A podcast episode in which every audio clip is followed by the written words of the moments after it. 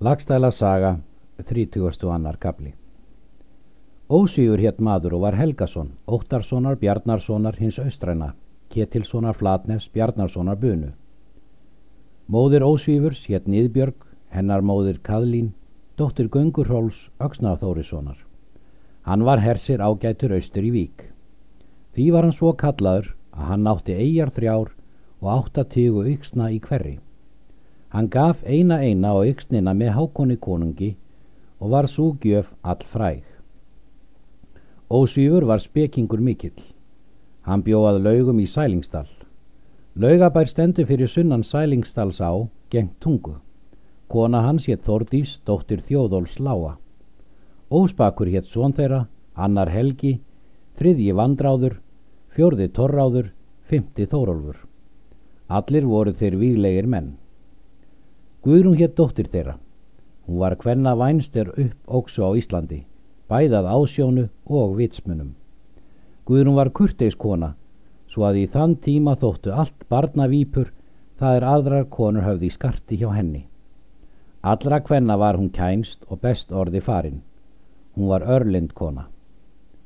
Sú kona var á vist með ósvífri er Þórhalla hétt og var köllu hinn Málga.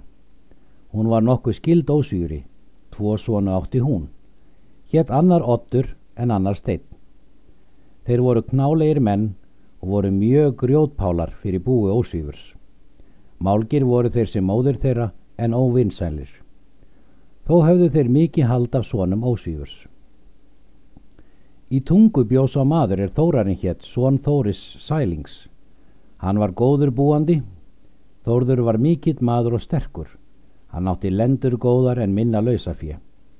Ósvífur vildi kaupa að honum lendur því að hann hafði landeklu en fjölda kvikfjár.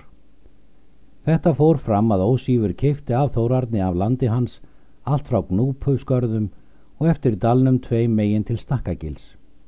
Það eru góðu lönd og kostig. Hann hafði þangað selfur. Jafnan hafði hann hjón margt. Var þeirra ráðahagur hinn virðulegasti. Vestur í Sörbæ heitir bær á hóli. Þar byggum áar þrýr. Þorkell Kvelpur og Knútur voru bræður og ætt stóri menn. Máur þeirra átti bú með þeim, sá er Þórður hétt. Hann var kendur við móður sína og kallaður Ingunarsson. Fadir Þórðar var Glúmur Gerarsson. Þórður var vætt maður og vasklegur, gerað sér og sakamaður mikill. Þórður átti systur þeirra Þorkels er auður hétt. Ekki var hún vænkonan ég gerfileg. Þórður unni henni lítið. Hafði hann mjög slægst til fjár því að þar stóð auður mikill saman. Var bú þeirra gott síðan Þórður kom til ráða með þeim.